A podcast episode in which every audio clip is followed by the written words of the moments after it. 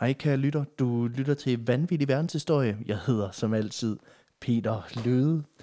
Øhm, jeg vil bare lige introducere dig for det her afsnit. Det er jo et af to afsnit, som vi udgiver i dag, begge to i Pixie-formatet. De er optaget på Bremen Teater, da vi havde vores øh, jubilæumsshow derovre, afsnit nummer 100, hvor vi lavede to øh, Pixie-fortællinger foran øh, publikum, som en lille opvarmning til aftens store ståhej. Og det er altså den ene af dem, du kan høre i det her, og det er den anden, du kan høre i det andet afsnit. Dagens afsnit, det handler om øh, Michael Rockefeller, en øh, rigmandssøn, der øh, rejser til et land langt borte, og kommer ud for en lidt uheldig skæbne øh, hos de indfødte, som han ellers holdt rigtig, rigtig meget af.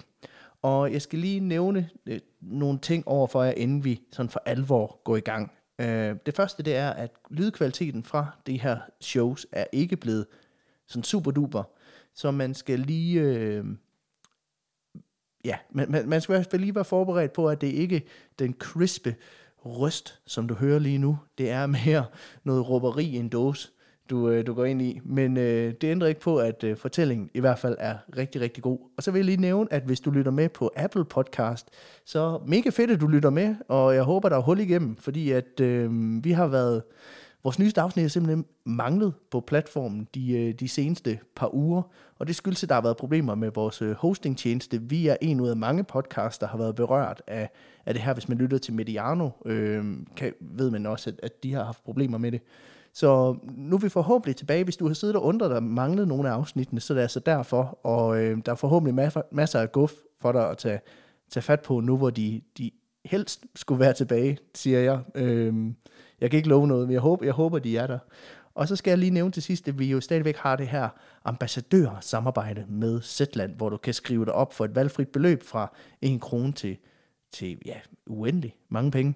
Øh, og øh, så får du adgang til Zetland, hvor at øh, du får kvalitetsjournalistik, det er dybtegående, det, øh, det dækker alle mulige forskellige emner, men i modsætning til den nyhedsdækning, du, øh, du måske kender, så er det knap så Chubang gunslingeragtigt Det er meget mere øh, grundigt og, og vel arbejdet. Øh, for alle, der skriver op, der får vi 200 kroner, men der er faktisk en lille bonus for dig. Du får nemlig også adgang til et eksklusivt øh, afsnit af Vanvittig Verdenshistorie, som ikke udkommer andre steder. Øhm, det kommer i din mailbox et par dage efter, at du har skrevet det op, og du skal altså gå ind på, Alexander har faktisk skrevet en seddel med det til mig, der står øh, uh, zland.dk-vv, og det er zland.dk-vv. Hvis du skriver det op der på, med et valgfrit beløb, så får du altså et eksklusivt afsnit, og du får adgang til Zland. Men øh, nok snak, lad os komme i gang med dagens afsnit. God fornøjelse.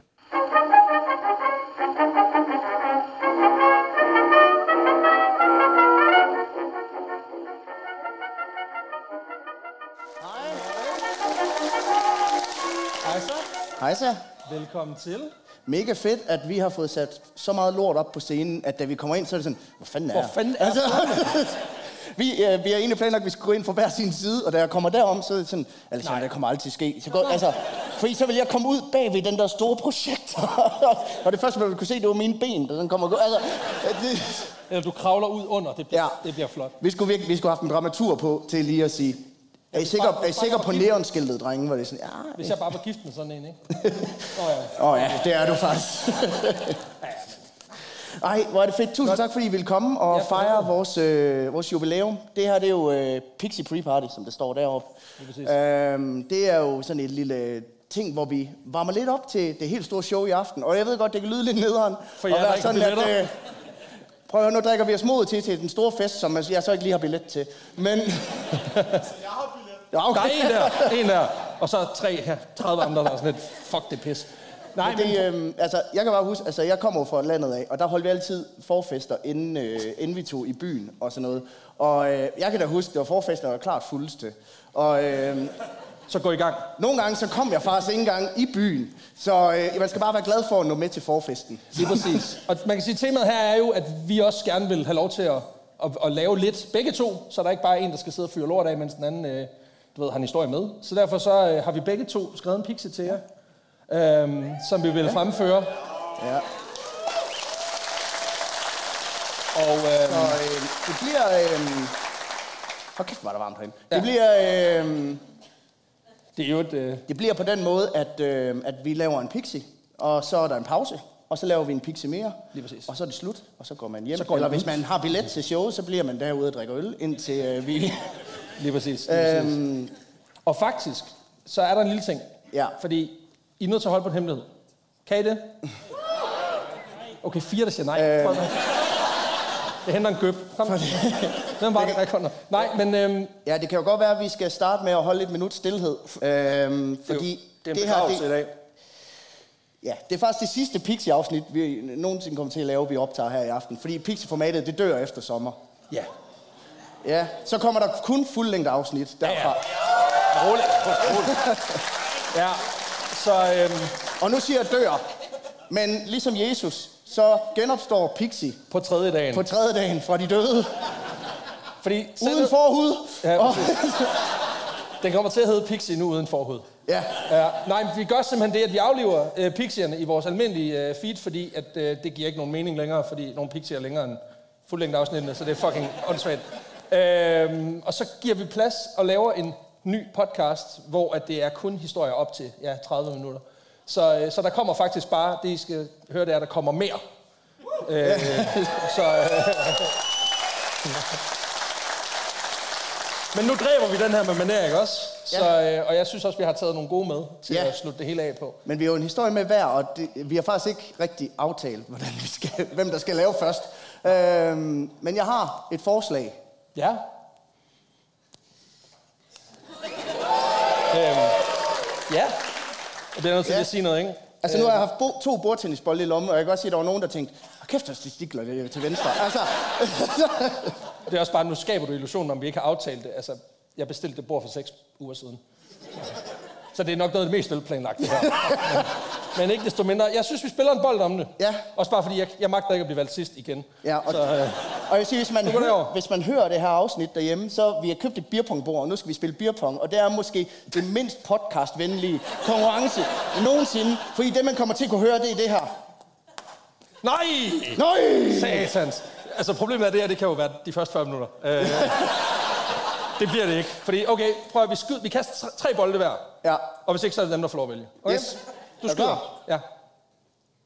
Uh. Nå, okay. Det var noget kortere, end jeg havde regnet med. Du må godt få lov at skyde Nej, igen. det giver jo ikke nogen mening, så står den 1-1, og så skal vi fortsætte. Det giver ikke nogen mening. Prøv at høre, du tager den. Du får lov Jeg til at starte. den.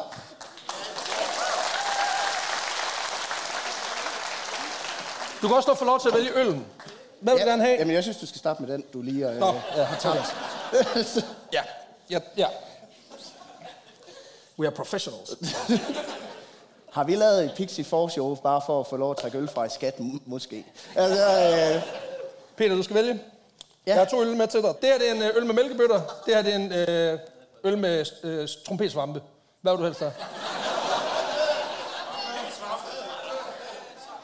Altså, hvad, hvad fanden er trompetsvamp? Det er en, spi- en, mør- en mørk spisesvamp. Okay. Er det den, vi tager? Fint, det tager vi. Ja, vi tak. tager det. Modtaget. Nå, hvis du finder en historie frem, så skænker jeg op. Og i øvrigt, øh, til dem af jer, der ikke ved, hvad fanden er det, der foregår, der, jeg tror ikke, der sidder nogen ude, men alligevel, det her det er vanvittig verdenshistorie. Mit navn det er Josef Knapetryk her, og det er de med, min medvært. Peter Løde.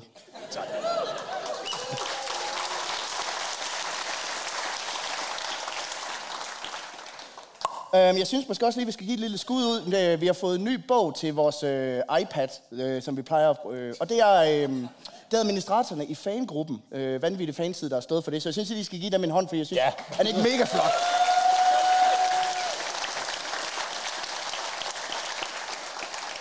Smag på øllet. Smag på øllet. Smag på øllet. Skål. Og skål. Skål! Og det er simpelthen altså, en spontan gæret dansk øl med trompetsvampe brygget af Mikkel og Baghaven. Der er kun lavet 500 flasker. Er det godt, at der kun er lavet 500 flasker? Øh, altså, nu har jeg aldrig smagt trompetsvamp før, men jeg, den smager meget af trompetsvamp. Altså, øh, Holy shit. ja. What the fuck? Okay. Er det, det er ikke sådan noget spids nøgenhat eller sådan noget der i, vel? det finder vi ud af. Men du har en historie med? Jeg har en historie med, og øh, det kan godt være, at I kommer til at fortryde, det var den, I valgte først. Men øh, det her, det er nemlig en ret makaber øh, historie. Og nu ved jeg ikke, om der... Men jeg er gået lidt hen og blevet lidt småsulten. Jeg vil ikke rigtig noget at få så meget at spise. Men så er det godt, der er kød på menuen i den her historie. Er det ikke en laksefilet eller en kyllingelår eller sådan noget? Det er øh, the other white meat. For at citere en OG Ringnes her, manflesh. Uh, for øh, det skal simpelthen handle om kannibaler. Og, uh, Yeah. ja, og, historien, og historien om, hvordan en uheldig rigmandssøn fra USA endte med bogstaveligt talt at blive ja, til middag øh, for, hos en gruppe junglekrigere, der først spidede ham ihjel, og derefter åd ham, som man bare har altså en helt sigt pattegris til en byfest i Vestjylland. Øh, en historie, der giver en helt ny udtryk til, ud, altså helt ny betydning til udtrykket eat the rich. Fordi det her det er historien om Michael Rockefeller. Bølgerne, de øh, slog ind på siden af katamaranen, den ene efter den anden. Et sekund var der vindstille, og det næste øjeblik truede vinden med at blæse alle i båden om kul. Det var den 17. november 1961. Vi er i havet ud for kysten ved Agat på den vestlige side af Papua, i det der i dag hedder Indonesien. Og i den håndudskårede kano, der sidder Michael Rockefeller, den 23-årige gamle søn af rigmanden Nelson Rockefeller. Og overfor ham, der sidder den hollandske antropolog René Wassing, og mellem dem, der sidder der så to teenage fra den lokale Asmat-stamme, som de har fået med på slæb. Og i den 12 meter lange kano, der har de fået øh, fint selskab også af 25 liter solidt koldt havvand. Så de er fucked. det Så de er fucked, ja. Okay. ja. Øh, hvis man er både ekspert og ved noget om at sejle, så ved man også, at det ideelle er, at vandet er uden for båden. og ikke chok skal op af dine knæer fra, fra bunden af. Og Michael og de andre, de står, ja, de står med i lort eller vand til knæene. Lidt af begge dele, de, de er presset. Ja, de er presset. Ja. Øhm, båden synker, med andre ord. Nogle dage forinden, der er de sejlet op langs med kysten til byen Agat for at hente forsyninger. Og nu er de så på vej tilbage til Asmat-territoriet, hvor de har planlagt at sejle op langs med Betch-floden for at øh, vende tilbage til det stammefolk, de den sen, øh, seneste rumtid har boet hos. Ja, Betch-floden, det er sådan lidt uheldigt navn. Going up the bitch. Going up that bitch river. Øhm, men så snart de når til flodens munding, så går det galt. Bølgerne bliver for høje, og nu sidder de så her i en båd, der lige så stille begynder at tippe i takt med, at vandet i bunden bliver kastet rundt. Og de lokale, øh, to lokale guide-drenge her, de her fra den her Asmat-stamme, de kender floderne og kysten, og har derfor været med for ligesom at sikre, at deres to hvide kammerater, de kom sikkert frem. Det gik ikke så godt. Men, øhm, og derfor så vælger de simpelthen at gøre det eneste rigtige i den her situation, nemlig at hoppe over bord. Så de bare sådan, fuck this bitches, I'm out. Ja, altså de siger, det vil svømme ind til kysten for at hente hjælp, men der går godt nok lang tid før den hjælp, den kommer. øh, og faktisk så i det, at de her to guider, de springer fra bord, så gør det det hele meget værre. For deres afsæt, de stiller sig simpelthen op på kanten. Og så i det, at de ligesom tager fra med Og så benene, folder den lige. så folder båden. Ej. Og så lige pludselig så ligger de jo på hovedet. Og ja, det betyder, at hvis de troede, de havde travlt med at hente hjælp før, så får de pænt meget stress på. Nå, Imens drengene de svømmer, så klamrer Michael, Rockefeller og René Vassing sig så til den kendrede båds underside. Og øh, der er langt ind til kysten, der er 6 kilometer. Og derfor så ved de her to gutter også godt, at den næste tid, den kan måske godt blive lidt lang. ja, du skal i hvert fald have den store guldnål i banesvømning for at tage hele turen, ikke? Er det det? Ja. Der går to dage. da de, kæft, hvor er de langsomt til at svømme. ja, da de Sidder jeg her og siger. på morgenen den 19. november 1961, der ser de ligesom, at bølgerne har fortaget sig lidt. Og øh, de holder stadigvæk fast i bunden af den her båd med, med næb og klør. Men når de spejder efter kysten, så kan de heller ikke længere rigtig se den. Nej, Nej, fordi den er forsvundet ude bag horisonten. De er simpelthen drevet fra land. den forkerte vej. Ja. På det her tidspunkt, der er de 22 km fra land. Det, Ja, de har drevet 16 km. det er træls. og hjælpen er ikke i sigte endnu. Der skal ske et eller andet, hvis ikke de skal ende med at sove den evige søvn blandt fiskene. Og derfor så kigger Michael René i øjnene, og så siger han, jeg tror sgu godt, jeg kan klare den. Altså, han svømmer ind. Han, sv- han svømmer ind. Fuck en selvtid, den 23-årige. Ja. Han, men igen, han har aldrig mødt modstand. Han er Nej. rigmands søn. Det har været nemt. Han tænker, At hvad er 22 km for sådan en gut præcis, som mig? Præcis, præcis. Bliver Meget. senere. Det- det svarer det det er meget. fucking meget. Især i vand. Altså, nå, men han, han, tager, han giver den et forsøg. Det er simpelthen for sød værd, vurderer han. Nej, det er det ikke, men, men han vurderer. Ja. Så han skærer nogle af bådens pontoner fri, og så spænder han dem livet, og så... Okay, så han snyder også. Ja, ja, på doping. Ja, ja. Cheat, cheat code, så det, det, det, han, det han gør, det er, at han efterlader en antropolog. Ja. Ja. Noget, der dårligt nok kan flyde nu. Ja, ja. Okay, så nu vi, nu, er han, nu er han meget hvid og rig igen. Ja, ja, lige præcis. Jamen, jeg skal have det her med. Altså, hallo. Jeg gør dig en tjeneste, mens jeg tager dine ting. Ja, ja. Så Den har de brugt mange gange, de rige hvide mennesker. Ja, Præcis. Det er også en chance for dig. ja, ja det er jo det. Siger du til mig? Ja, okay. Nå, Det har jeg i hvert fald Jeg skulle gøre lidt for at få lov at sidde her. Det... Men det er simpelthen en distance på 22 km, han kaster sig ud i på åbent hav. Og det er jo en distance, der vil få selv Jenny Kammersgaard til at være sådan, okay, der skal lidt mere end en madpakke til her. Altså, Så han har ikke nogen leverdreng med, eller hvad? han har ingen leverdrej, han har What? ingenting, han har kun muller og sine pontonger, og det er det. Sådan en improviseret badevinge, han har spændt på. Og René Vassing, han kan så se sin kammerat svømme mod horisonten. Det bliver så også sidste gang, nogen nogensinde ser Michael Rockefeller igen. Fordi kort tid efter, der forsvinder han sporløst. Ja, det gør han jo. Ja, Udover det var sådan set det. Og øh, det, er så, Kæft en pixie, var? ja, Nyt format, kan du mærke det? folk siger, at de ikke blevet lidt lange. Jo, det synes Vi kører 8 minutter nu. Så bliver billetprisen lidt høj, kan jeg godt mærke. Ja. Ej, folk sidder og tænker, var der ikke en, der skulle spises? Jo, det var der. Øhm, hvis navnet Rockefeller lyder bekendt, så er det med rimelig god grund. For Michael, øh, Michaels oldefar var nemlig ingen ringer end oliemagnaten John D. Rockefeller. Altså, Det originale rigsvin. ja, altså ham, der er kendt som en af de rigeste mennesker i verdenshistorien. Ikke bare sådan på det tidspunkt, han levede, men sådan of all time. Ja. Øh, grundlæggeren til et af de største rigdomsdynastier i USA.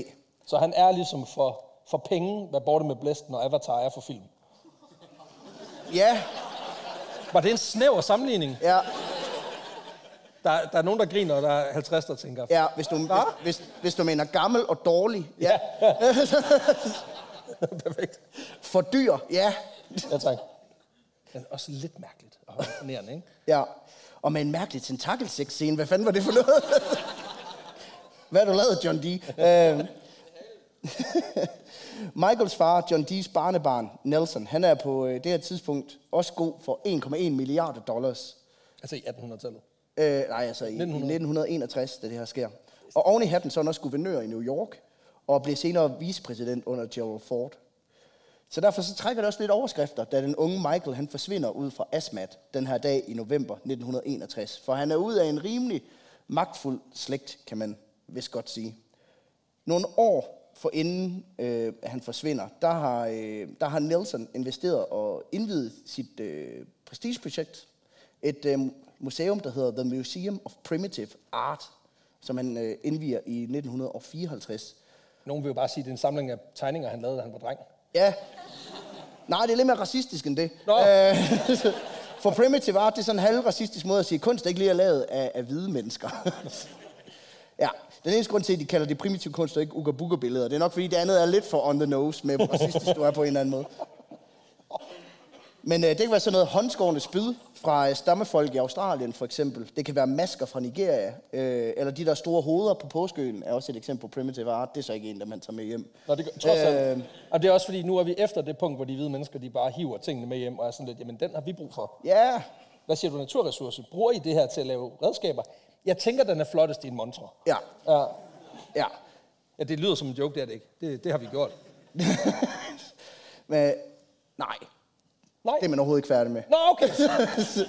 Nelson han har faktisk selv doneret store dele af sin private samling af primitiv kunst til, den, øh, øh, til sit nye museum. Det er fordi, det er hæleri, hvis han sælger det. Ja, det er det. Og, øh, og håbet er, at museet det skal blive sådan en form for Museum of Modern Art for really old shit. øh, og det vil sige, at stamme, altså, simpelthen, han vil vise, at stammefolk også har kunstneriske input at byde ind med. Ja, nobelt værv. Ja, noget- med at stjæle. Ja, noget, der er lige så fantastisk, som når moderne kunstnere taber en banan fast til væggen, for eksempel, eller makulerer et billede, eller maler ovenpå et askerjornmaleri, eller hvad fanden de nu kan finde på, ikke? Øhm, den dag, det museet åbner, der er Michael Rockefeller 18 år gammel. Og øh, faren, han har egentlig en forventning om, at Michael han vil følge i familiens fodspor og blive en del af de virksomheder, som familien ejer. Men Michael, han er mindst lige så betaget af den her stammekunst som sin far, og samtidig sådan også ramt af en voldsom udlængsel. Og derfor så dedikerer han sig i stedet til at gøre sin far stolt på anden vis, nemlig ved at tage ud og samle primitiv kunst fra forskellige stammer, og så starte sin egen samling, som han kan tage med hjem og så udstille en glasmonster på sin fars museum i New York. Ja.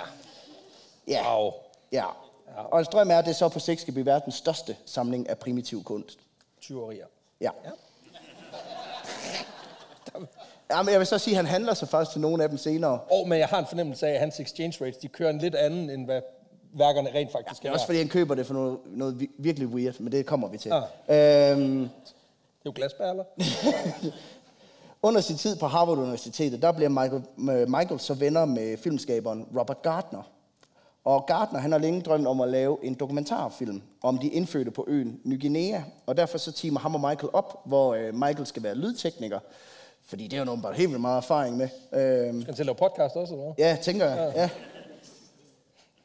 Ja. Øhm, og så skal Gardner så instruere, filme og klippe den her. Ja. Så han laver 25 procent af arbejdet. og sammen så rejser de så i 1960 til det, der i dag hedder Papua Ny Guinea. Det, der dengang hed Hollandsk Ny Guinea. For at filme Dani-folket i den vestlige del af landet. Og resultatet det blev til den film, der hedder Dead Birds, der udkommer i 1963, to år efter, at Michael han er forsvundet. Men arbejdet på den her film, det skal vise sig at blive skældsættende for Michael. For undervejs på den her tur, der stikker, øh, stifter han nemlig første gang bekendtskab med Asmat-folket. Undervejs på sin rejse, der er han nemlig i sinde at shoppe lidt i gåsetegn. Nemlig ved at anskaffe sig nogle af de her lokale kunstværker, som han kan tage med hjem og så starte sin samling. Og i det hollandske Ny Guinea, der er der ingen tvivl om, at Asmat-folket, det er the best fucking artists on the island. Altså, de er de allerdygtigste på hele øen. For Michael, han, øh, så for ham, så, så bliver det oplagt at lægge smut forbi stammen, så snart de ligesom har en pause i de her optagelser til den her dokumentarfilm. Og så skal vi måske lige runde, hvem Asmat-folket så er. Ja, altså, jeg har ikke så mange referencer for deres sådan, kunstneriske udfoldelse, men, men Nej, desværre. Nej, øh, fordi Aspat-folket, de er sådan relativt bizart folkefærd, i hvert fald sådan set med vestlige briller. De lever dybt inde i junglen øh, på vestkysten af Papua, og så øh, de er et relativt isoleret folkefærd på det her tidspunkt i hvert fald. Der ikke sådan har voldsomt meget kontakt til omverdenen. Så lidt ved du om det, du får Randers ikke. Hvor det er sådan, Vi sidder her og hygger. Altså, du fortæller en historie, og så lige pludselig var det blå, så bare bang!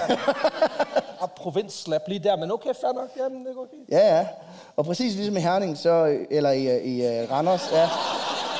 Freudian slip. Ja, Ja, ja. Fuck, jeg er busted.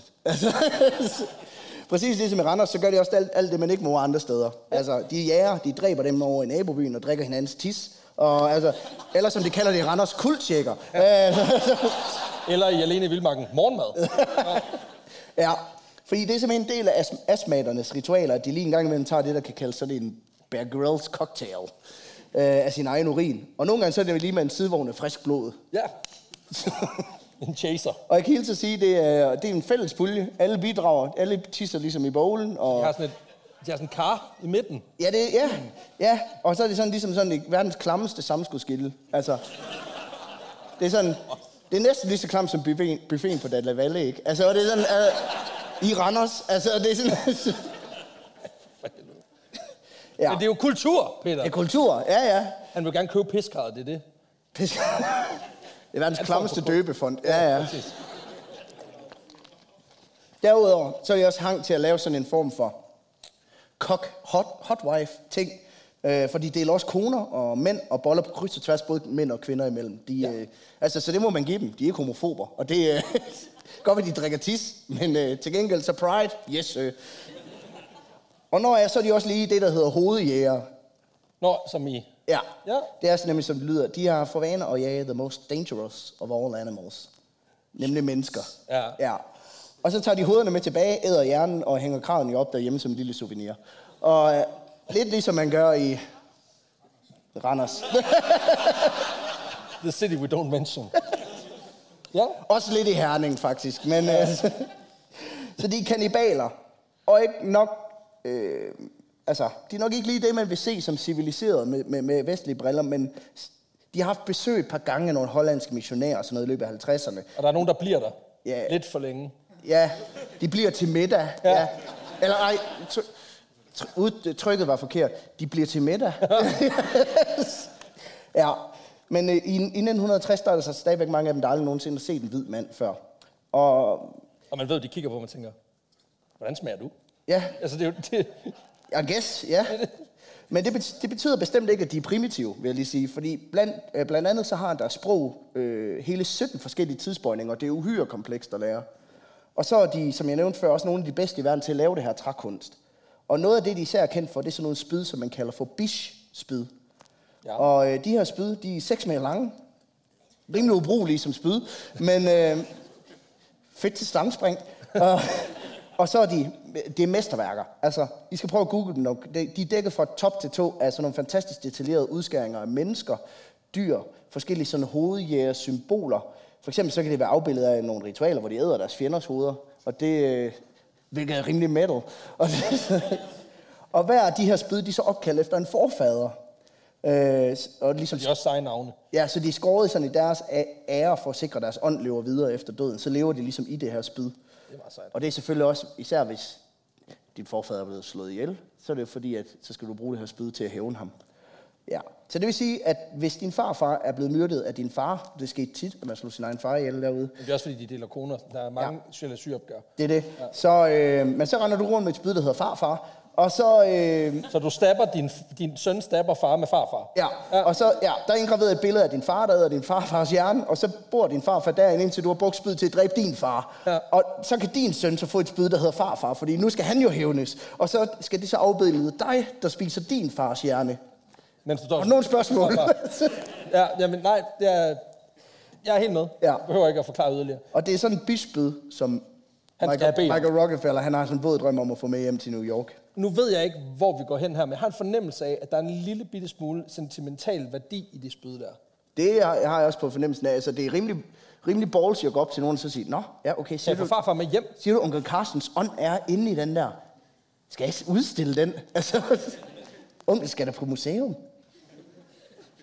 Men udover alt det her, så har Asmat-folket også en enormt kompliceret og, og fascinerende religion, som også er vigtig for at forstå øh, de historien. Alt det her, det er bare baggrund. Der, sk- altså, der sker noget de sidste fem minutter.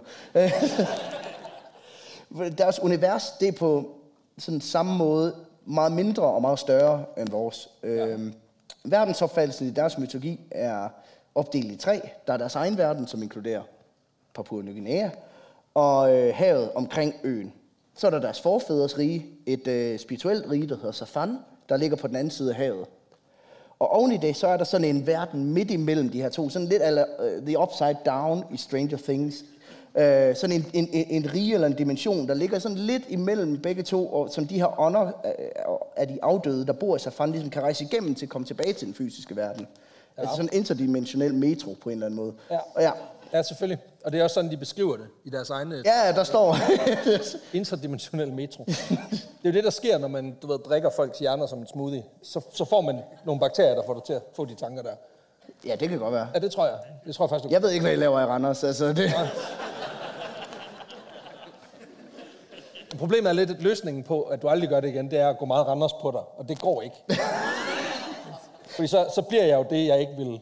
Ja. Det, jeg prøver at beskytte mig selv imod. Ja, så går du virkelig til the dark side. Ja, ja, altså, præcis, præcis. Skal jeg gå i choks og alt muligt. Men- Jeg vil lige så godt embrace, det kommer med en kat, der ligger helt oven på hovedet, og sådan en stor dynejakke. Og så, hvad så, velkommen til vanvittigt venstrestøj. Øh, I det, der tager vi Mokøjens historie med. Ja. det er sygt fedt i dag, der har vi kuldshaker, det er en, øh, det er en årgang øh, 2022, rest in peace, Sidney Lee. Altså, Det er god. den er god. Ja. Ja.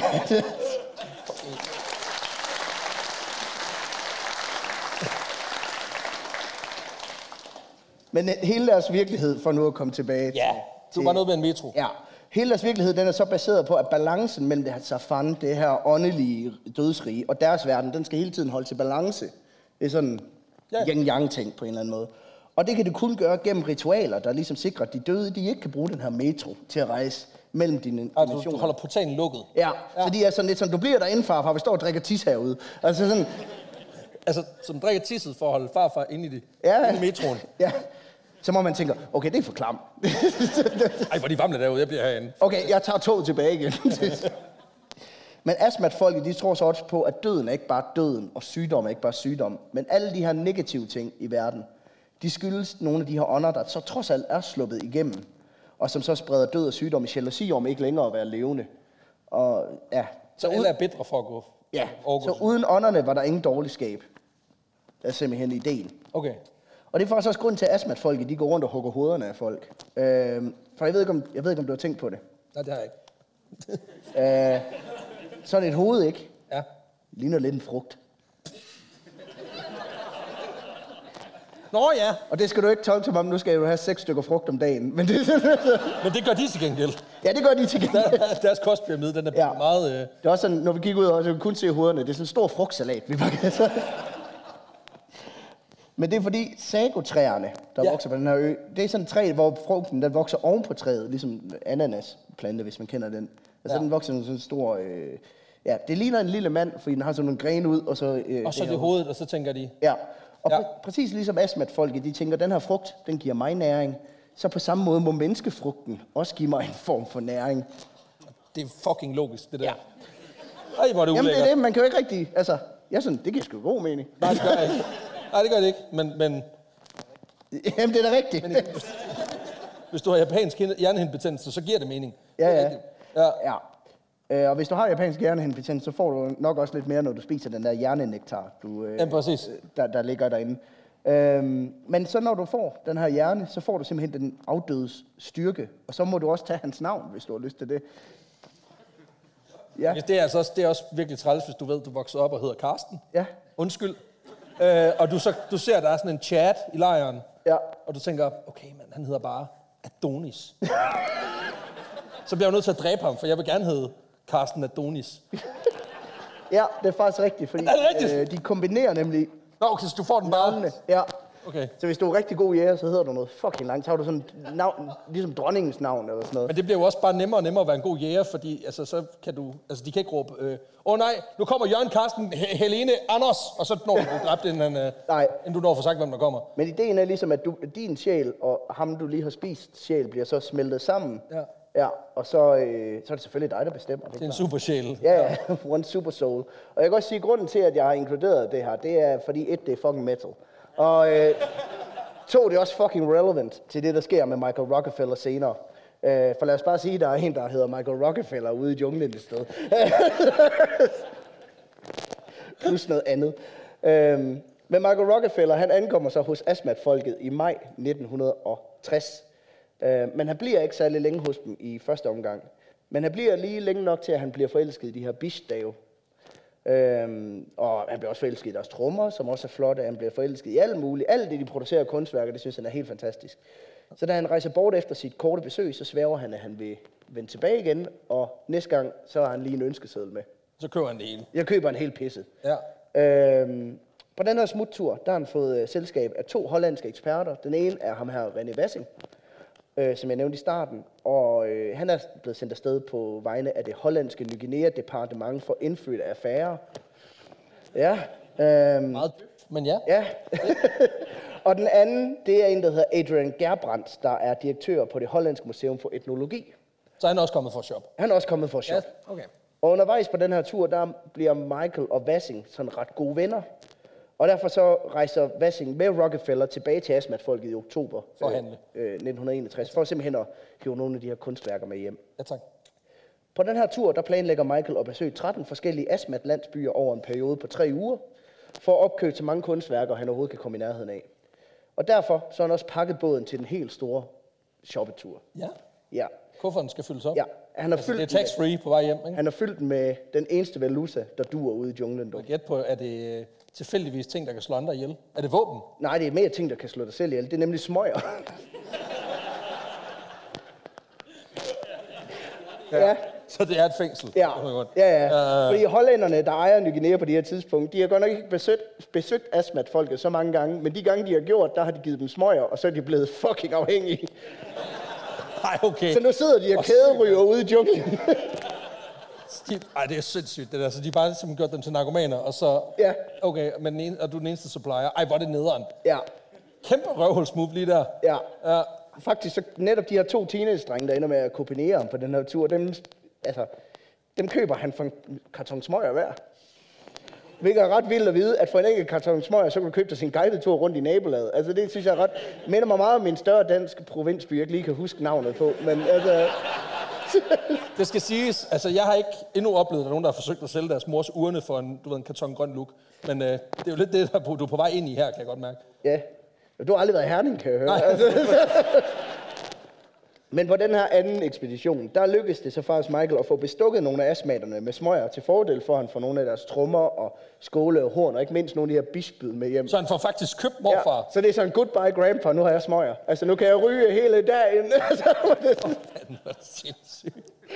Og i november, der rejser Michael Vassing og de her to teenage så tilbage til byen Agat for at sende de her varer tilbage til New York, og så købe friske forsyninger og vende tilbage. Hen til deres møger. Ja, og ja. det er så på vejen her tilbage, de kender, og Michael forsvinder sporløst i forsøget på at, og lige at, at tage kongedistance. Lige svømme 22 km.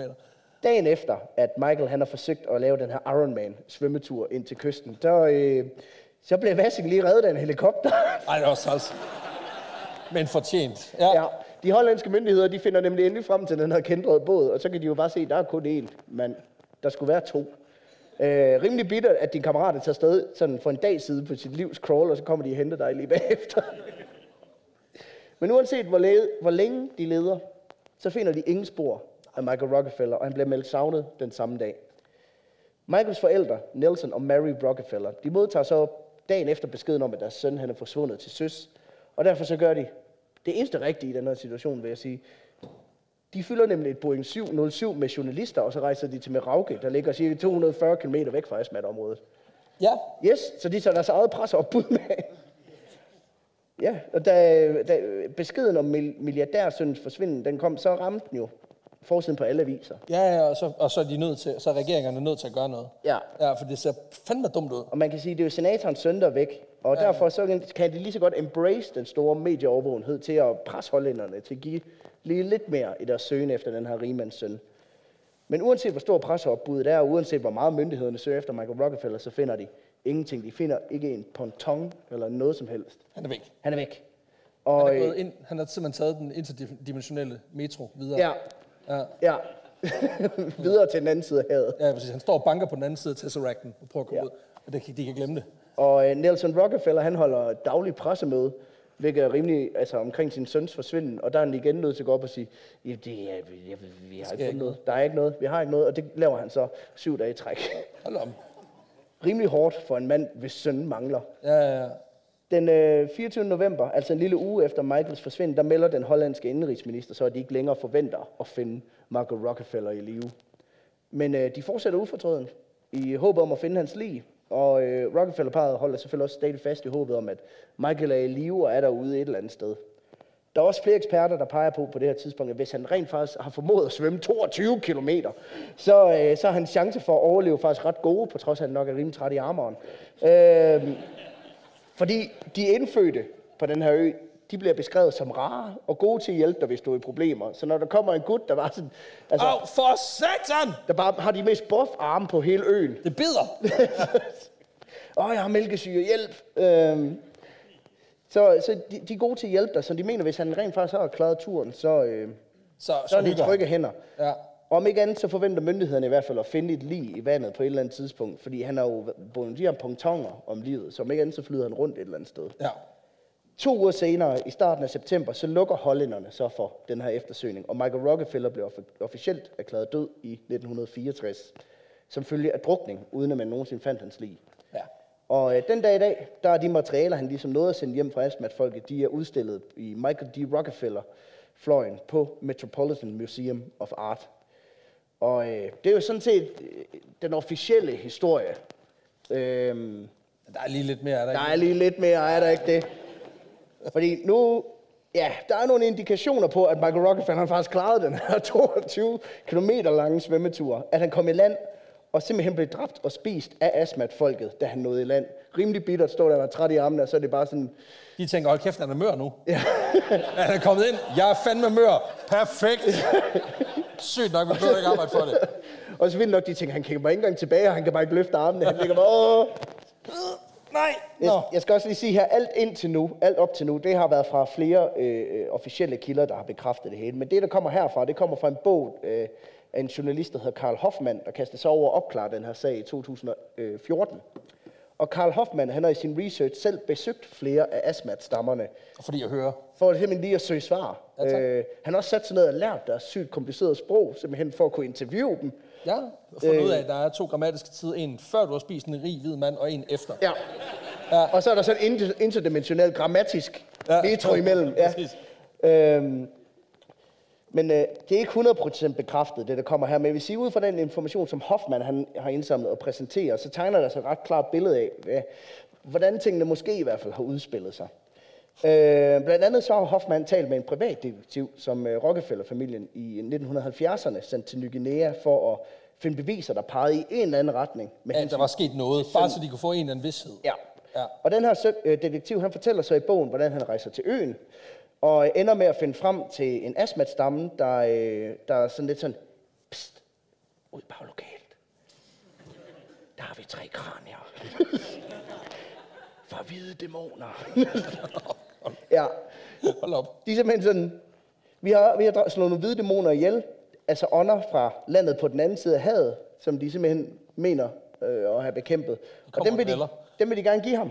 Men de, han skal selvfølgelig have noget at bytte dem med tilbage over havet. Ja, han skal selvfølgelig have noget at bytte med, det er klart også. Men han har otte pakker camel, og så er den bare så er den i vinkel. Ja, altså jeg ved ikke, om det er fordi, de ikke er ryger dem her, men der er noget andet, de hellere vil have. Nå, okay. De vil hellere have en bådmotor.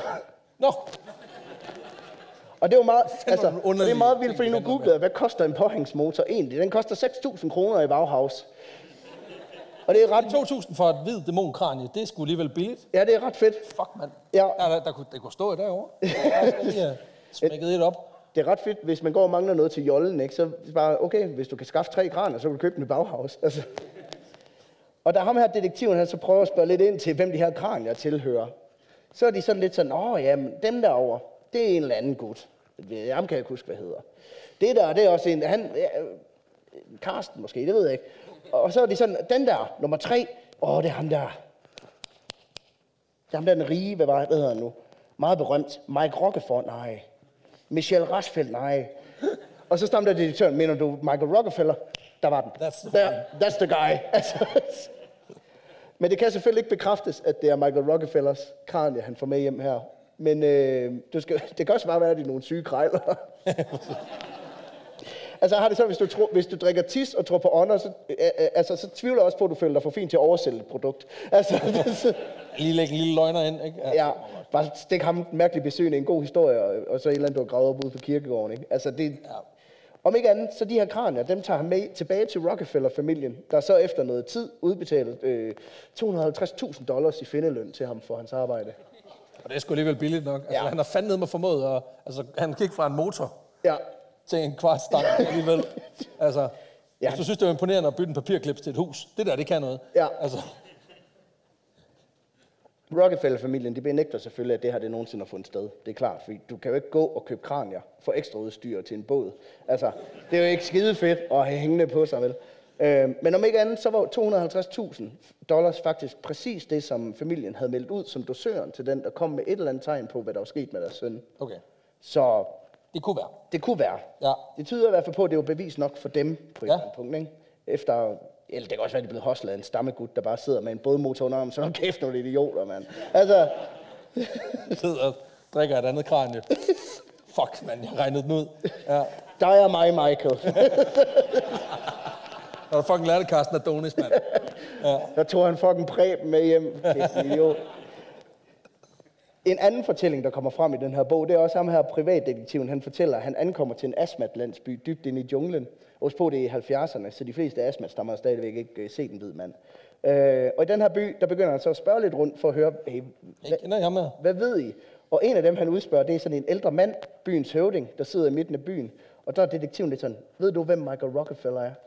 Og så siger han, nej, det aner jeg ikke. "Nå, Okay, du har ellers hans briller på.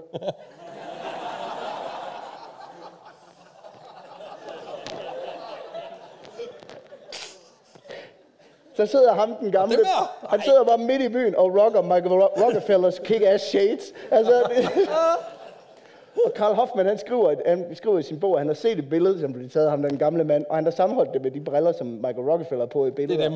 Og det er it's one to one. Ja, okay. Ja. Og da han så spørger ind til, hvor du har fået de briller fra, så ham den gamle bare lidt sådan, det er bare nogen, jeg har fundet et sted. lige midt i ansigtet på en, lige efter Lige midt i min måltid, du. Det lå sgu midt i maden. Altså, Men så kan havde vi man, håret, da vi kørte ham rundt på det der rotisseri. Så, Ja. Åh, nej, nej, sådan der. men hvorfor har vi så ikke hørt noget om det her før år 2014? Ing- Er der ingen, der spørger. Øhm, øh, og hvorfor kunne hollænderne heller ikke finde noget som helst spor? Tilbage i 1962, da de gennemsøgte både havet og junglen. Jo, det er faktisk her, det bliver rigtig interessant. For der er nemlig en konspiration. Det viser sig, at den hollandske regering simpelthen har stemplet alle dokumenter, der relaterer sig til Michael Rockefeller-sagen som hemmelige. Og faktisk så har ikke engang Rockefeller-familien fået lov at læse, hvad der står i deres, altså sagen omkring deres søn. Ja, og de er den mest, en af de mest magtfulde familier i verden, og de kan ikke engang få adgang til det. Nej, altså de styrer skyggeregeringerne rundt om i verden, hvis Ja, du spørger nogen. ja, ja de, er kan jo, de er jo lizard people, og de ja, kan ikke engang få Men de kan ikke få papiret udleveret. Ej, det er også virkelig, det skyder virkelig et hul igennem den teori. Ja. Satans. Men det skyldes højst sandsynligt, at da Michael Rockefeller han forsvinder, så er hollænderne øh, langsomt ved at miste grebet på Ny Guinea. Øh, Indonesien ekspanderer fra vest og truer i 1962 med at annektere den vestlige del af øen, da de retmæssigt mener, at det tilhører dem. Og midt i det hele, midt i alt det her, så forsvinder en af de rigeste mænd på jordens søn lige sporløst i det område, som du er til at administrere. Ja. Øh, fordi hollænderne, de har fået overdraget ansvaret af FN for ligesom at prøve at civilisere nogle af de indfødte stammer. Og derfor så har de også gjort det forbudt at være kannibal. Fornuftigt nok.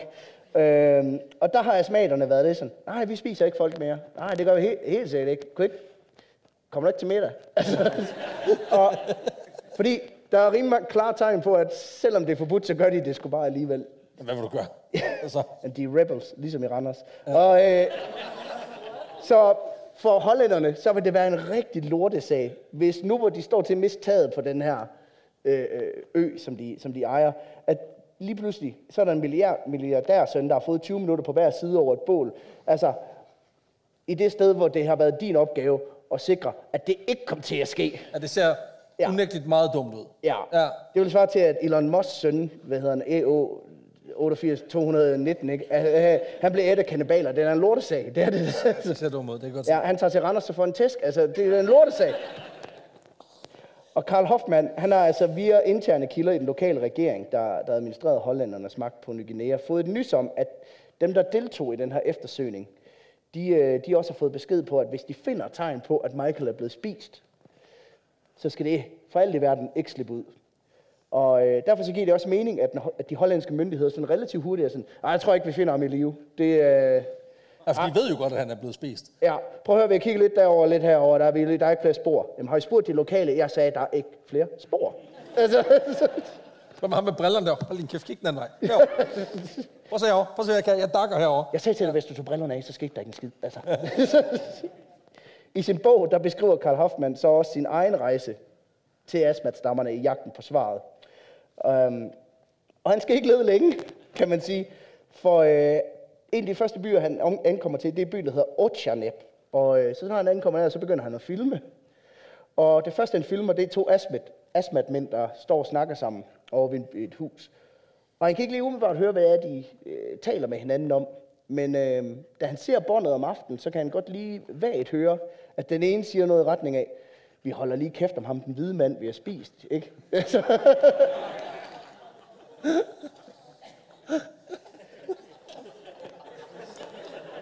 Man, har, man kender det jo godt, fra man har været på øferie i Grækenland, hvor man sidder og trash-talker alle, fordi Ja. ja. man er den eneste, der kan dansk. Og så sidder der en anden dansk familie i restauranten. Jeg har faktisk prøvet præcis. Ja, præcis. Altså, Altså, Det ja, her, det- Vi var engang på Kreta, hvor vi var ude for det, der hedder Knossos. Det er sådan et stort... Ja, man siger det der Minotauren boede, vi så ham ikke. Men, øhm, men der, der går vi bag ved sådan en fyr, han så fucking cool ud. Han var ikke mere end halvanden meter høj, og så er han sådan helt læderbrun i ansigtet, og har sådan verdens største bøllehat. Jeg tror, den gik herud til. Og så går han der og har sådan en lang hestehale, og mig og min bror, vi går på den der guided tur, og er bare sådan, og kæft, han ser cool ud. Han ser fandme nice ud. Så hold kæft, man, så går han der, ren Indiana Jones. Ej, se, hvor han springer hen over de sten. Hold kæft, han er nice. Og så vender han sig bare om, så siger han, fedt, mand. Tak, fordi I kan lide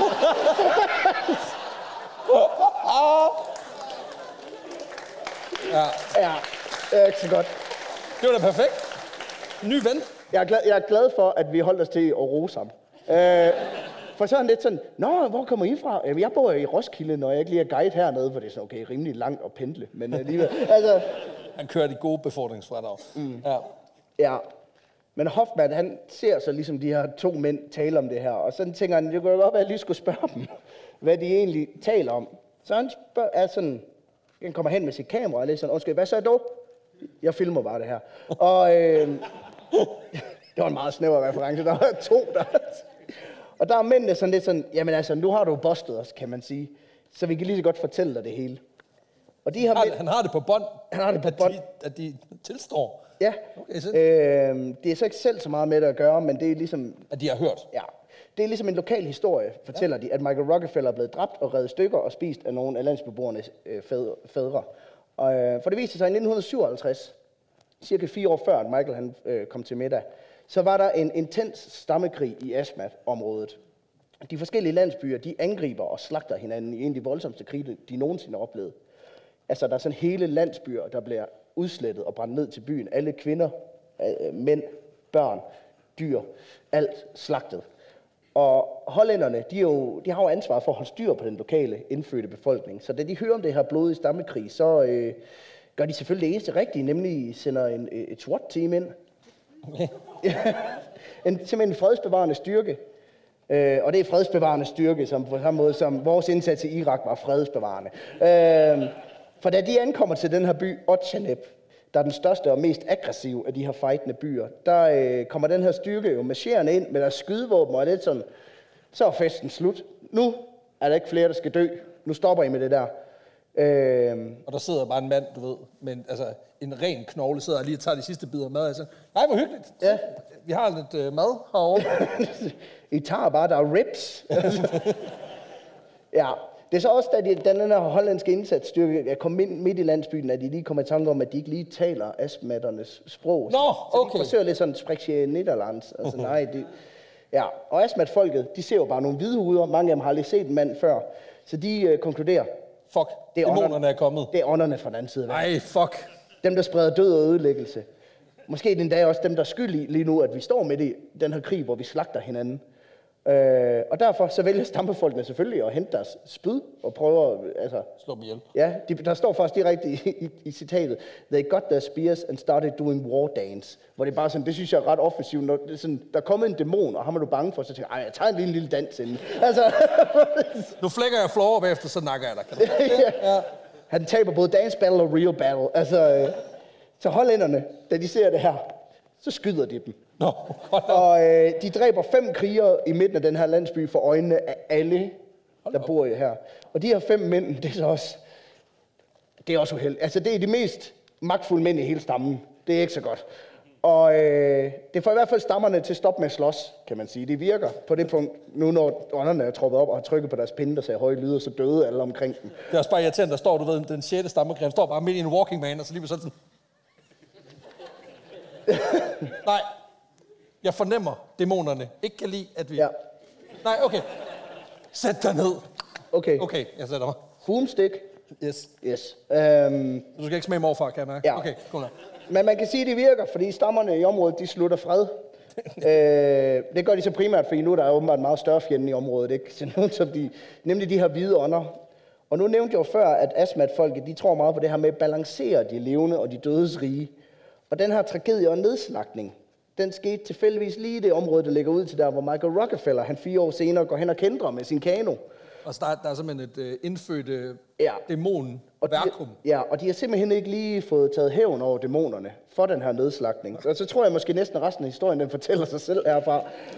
Fordi alt tyder på, at Michael Rockefeller, som den fucking Michael Phelps han er, han rent faktisk klarer distancen på 22 km crawl, og så kravler han i land tæt ved Otjanep.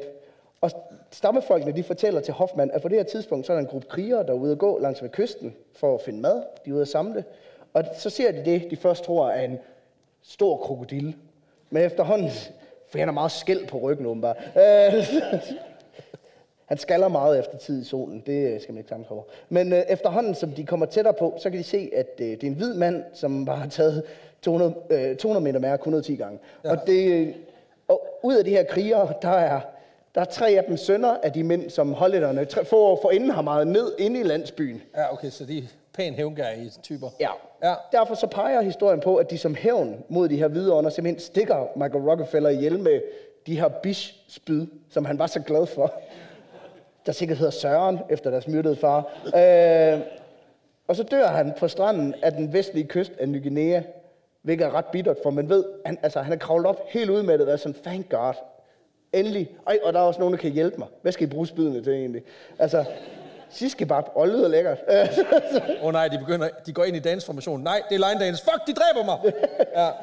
Efterfølgende så fortæller de her to øh, snakketanter inde i stammen også til, til, til Hoffmann, at Michael han så blev taget med tilbage til landsbyen, hvor de skar hovedet af ham, øh, skrællede huden af ham med en kniv, som om han var en gulerod, og så øh, bankede de simpelthen hul i, i hjerneskallen og stak et rør ned, og så sugede de hjernen ud som verdens klamste slåsejs. Og det... Ja, oh. jeg har hørt om hjernefrys, det er måske lige rigeligt. Øh, men, Fuck dig. ja. Bare fuck dig. Åh, ja. Men så, øh, så gjorde de det, så ko- øh, kogte de hans krop. Så spiste de hans kød og brugte hans knogler til at lave spyd og knive af. Øh, og så har de selvfølgelig også lige brugt hans blod som sidevogn til de her urindrinks. Men igen, de bruger det hele. Ja, de går ikke ind for madspil, det må man give dem. De fucking styr på det. Det er Ja. nok. Altså, det, der, det er det bedste, man kan sige om den her historie, det er, i det mindste, så brugte de det hele af ham. Altså, det er sådan, Det kan I tage med hjem. da Hoffmann han så spørger de her to indfødte om, hvordan de ved alt det her, så afslører de over for ham, at de selv er sønner af to af øh, de her gutter, der gik på stranden den dag. Så de er simpelthen barnebarn til de, Sådan. til de krigere, der blev slået ihjel af hollænderne i byen den dag, hvor deres sønner så tilfældigvis gik tur på stranden, hvor Michael Rockefeller kom. Og nu er det så tilfældigvis deres sønner, som Hoffmann han har fundet frem til i den her by. Og men igen, så mange astmakrigere er der vel for helvede heller ikke. Nej, det er selvfølgelig Altså- altså. ikke Men øh, da Hoffmann så, han så spørger, hvorfor de aldrig har fortalt det, da hollænderne de kom forbi og ledte efter Michael Rockefeller, så svarer de, prøv at høre, hollænderne har aldrig spurgt. Så de er nu fucking dårlige til Ja. at styre Ja, dernede. Ja, okay. Samtidig så kunne de jo lige pludselig se helikopter og både og alt muligt andet, der var sat i søen for at lede efter Michael Rockefeller. Og det tror de simpelthen, at da de ser dem, det er det er åndernes straf. Ja. Og øh, det bliver selvfølgelig heller ikke bedre, at året efter så udbryder der kolera i Asmat-området. Hvilket selvfølgelig forstærker deres frygt for, at ånderne de sådan lige strammer dem for, øh, altså straffer dem for at have myrdet en af deres... med øh, at blive ved med at dræbe vores dæmoner. Ja. Ja. Øh, der er selvfølgelig intet af det her, der kan bekræftes med sikkerhed. I hvert fald ikke, medmindre man fandt Michael Rockefellers lig. Øh, men hollandske kilder har bekræftet, at det her angreb i 1957, det i hvert fald fandt sted. Og fortællingen om Rockefeller som hovedret, det er altså en, der sådan har hængt ved i byen siden den her gang. Så jeg, altså, jeg, hvorfor skulle de gå og finde på den slags? Det er sådan lidt... Det, Ja, de har ikke rigtig noget at vinde på det. Nej. Nej. Øh, og min primære kilde til især den sidste del, det er den bog, der hedder Savage Harvest, A Tale of Cannibals, Colonial, Colonialism and Michael Rockefellers Tragic Quest for Primitive Art, hvilket også er en sygt mundret titel. Øh, Udover titlen, så vil jeg klart anbefale bogen. Den er virkelig interessant, og Hoffmanns sådan research og dedikation til at fortælle om stammefolkenes kultur, uden at være sådan judgmental, synes jeg er meget fænomenal. Der er også den sidste teori, vil jeg lige nævne, som ligger midt imellem, om han druknede eller blev slået ihjel af Asmat-folket. Øhm, for i 1968, der rejste der et filmhold til netop astmatområdet på Ny Guinea for at f- lave en dokumentarfilm om stammefolkenes kultur. Og i et af klippene, som er meget populær på YouTube, der kan du altså se det, der ligner en hvid mand, der sidder iklædt den traditionelle asmat-dragt, sammen med de andre, og i hånden holder et kæmpe bisped. Og det, der er lidt sjovt ved ham her, det er, han har også Michael Rockefellers briller på. så måske så endte Asmat-folket bare med at byde ham på frokost, i stedet for at gøre ham til frokost. Smuk tanke. Ja, om ikke andet, så synes jeg i hvert fald bare, at jeg vil nævne, at hvis Michael Rockefeller rent faktisk er blevet dræbt og spiser astmatfolket, så er han måske en af de mest uheldige mennesker i verden. Altså, 22 km for at hente hjælp, efter du er kendret, bare for at blive dræbt af nogle indfødte, der bærer ned over noget, du ikke har en skid med at gøre. Og hvis du ikke har forladt skibet, så er du blevet reddet 12 timer efter. Ja. Men det var historien om Michael Rockefeller, der blev spist af kannibaler.